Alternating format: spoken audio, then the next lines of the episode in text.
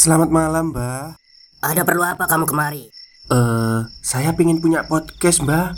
Biar pacar saya makin cinta sama saya. Loh, loh, loh. Mau bikin podcast kok tanya dukun? Sekarang kamu download aplikasi Anchor.fm. Di situ kamu bisa buat podcast gratis dan podcast kamu bisa didistribusikan ke platform mana pun. Dan di aplikasi atau website Anchor.fm juga terdapat fitur-fitur yang memudahkan kamu untuk membuat podcast. Oh, gitu ya, Mbak. Kalau gitu, saya boleh minta password wifi-nya, Mbak. Buat apa? Buat download Anchor.fm, Mbak.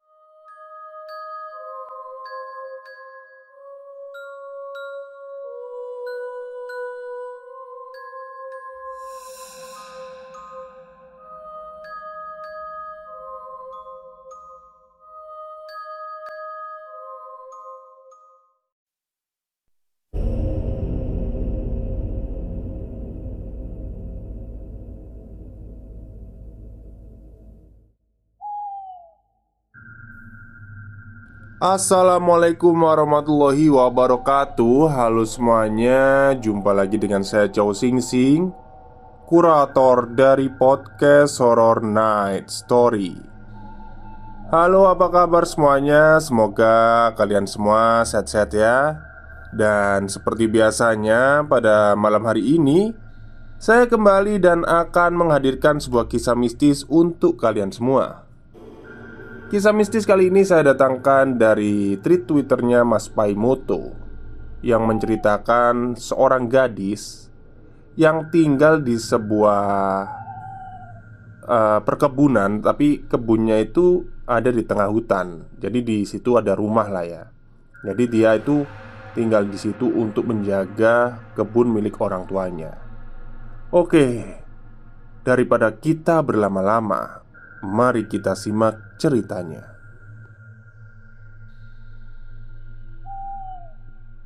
Cerita ini dialami oleh Ayu tetanggaku sewaktu masih di desa. Namanya Yuknes. Kejadian ini dialaminya saat dia masih gadis dan masih tinggal di dangau tengah kebun milik orang tuanya. Yuknes saat itu berusia sekitar 15 atau 16 tahun. Yuknes hanya tapatan SD Setelah itu dia tidak melanjutkan sekolah Dan memilih untuk mengurus kebun bersama orang tuanya. Kebun mereka berada di tengah hutan Tak bertetangga. Selain menanam padi Kedua orang tua Yuknes juga menyadap getah karet dan akan dijual setiap hari Selasa di kalangan. Tugas Yuknes adalah memasak. Setiap pagi dia terbiasa bangun jam 3 untuk mengambil air di sungai kecil di bawah tebing. Menanak nasi, merebus air dan membuat sarapan, lalu mencuci baju. Dan setelah itu, membersihkan rumput yang tumbuh di antara padi. Hari itu adalah hari Selasa. Ya, hari itu adalah hari kalangan. Bapak dan ibu Yukne sudah siap dengan bake ambung yang berisi getah untuk dijual di toke. Lalu, mereka akan belanja kebutuhan dapur. Yuknes melepas kepergian kedua orang tuanya dari atas dangau. Dia tidak ikut turun ke desa karena harus menjaga dangau dan menyadap getah. Selepas kepergian kedua orang tuanya, Yuknes mulai pergi menyadap getah. Namun, baru saja dia sampai di petak kebun karetnya, hujan turun dengan amat deras. Yuknes segera berlari kembali menuju ke dangau. Seharian itu hujan terus saja turun dengan lebat Langit mendung membuat hari yang masih pagi terlihat seperti sore hari. Yuknes hanya bisa duduk di teras dangau sambil menatap tetesan air hujan. Menjelang siang, hujan masih belum berhenti. Yuknes memilih tidur siang.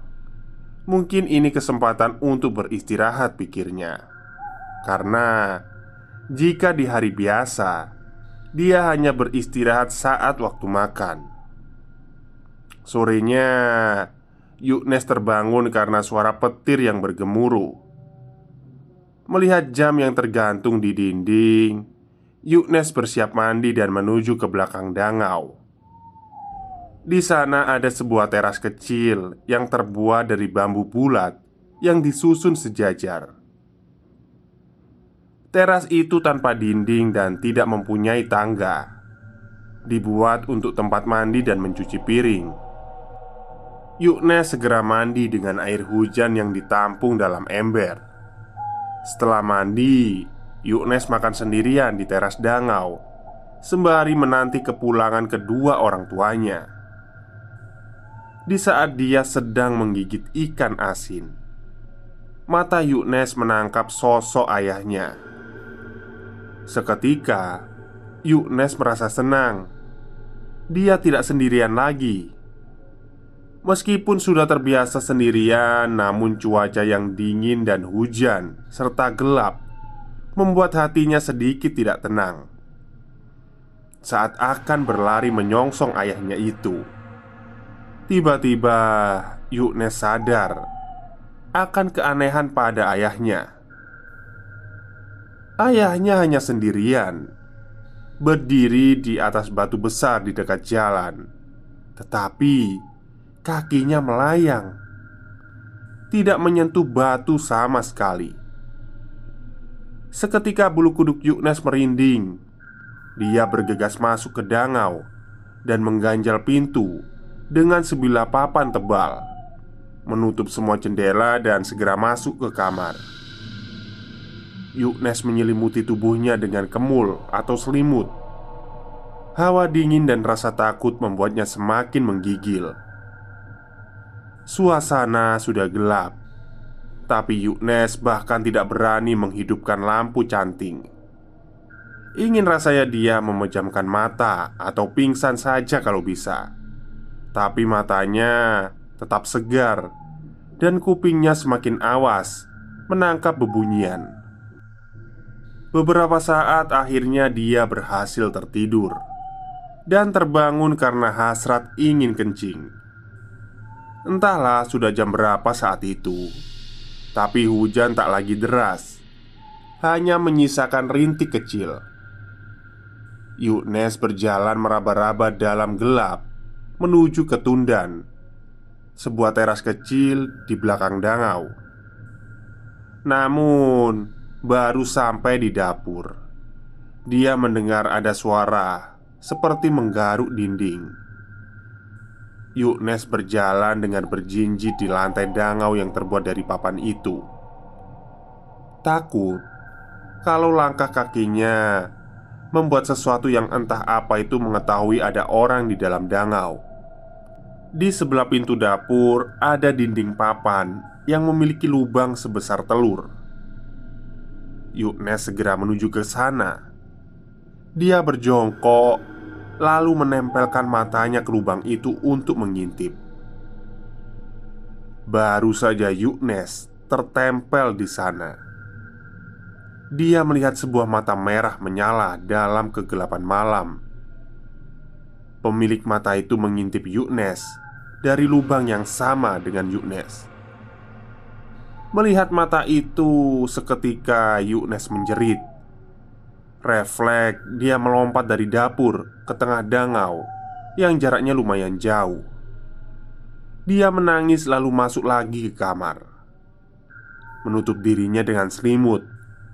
Lalu kemudian lagi bunyi menggaruk, tapi kali ini dari lantai tepat di mana Yuknes sedang bergelung dalam selimut. Yuknes semakin menggigil di balik selimut. Tepat di arah kuping Yuknes Terdengar suara. Nes Buka pintu Nes. Stop stop. Kita break sebentar. Jadi gimana? Kalian pengen punya podcast seperti saya? Jangan pakai dukun Pakai Anchor. Download sekarang juga. Gratis Seketika Yuknes pingsan. Keesokan harinya, barulah kedua orang tua Yuknes kembali dari desa. Hujan lebat membuat mereka tidak bisa kembali ke kebun dan menginap di rumah saudaranya. Mereka terkejut melihat Yuknes yang terbungkus dalam selimut. Mereka membangunkan Yuknes, dan Yuknes menangis sambil menceritakan pengalaman horornya tadi malam. Dia meminta agar orang tuanya mengirim Yuknes ke desa saja, karena Yuknes tidak sanggup lagi tinggal di kebun. Semenjak itulah Yuknes pindah ke desa, tinggal di rumah saudaranya, lalu menikah dengan tetangga di sebelah rumahku. Tamat. Baik, itulah akhir cerita singkat dari tweet twitternya Mas Paimoto tentang Ya, sebenarnya ceritanya singkat sekali ya Tentang seorang perempuan yang Ternyata Selama sehari-harinya itu dia sendirian menjaga kebun di tengah hutan. Tapi setelah kejadian yang menimpanya Yaitu diperlihatkan makhluk halus gitu ya Dia itu akhirnya pindah ke bawah. Maksudnya pindah ke bawah itu Pokoknya keluar dari hutan lah Dan pindah ke rumah saudaranya. Oke mungkin itu saja cerita untuk malam hari ini. Kurang lebihnya saya mohon maaf. Wassalamualaikum warahmatullahi wabarakatuh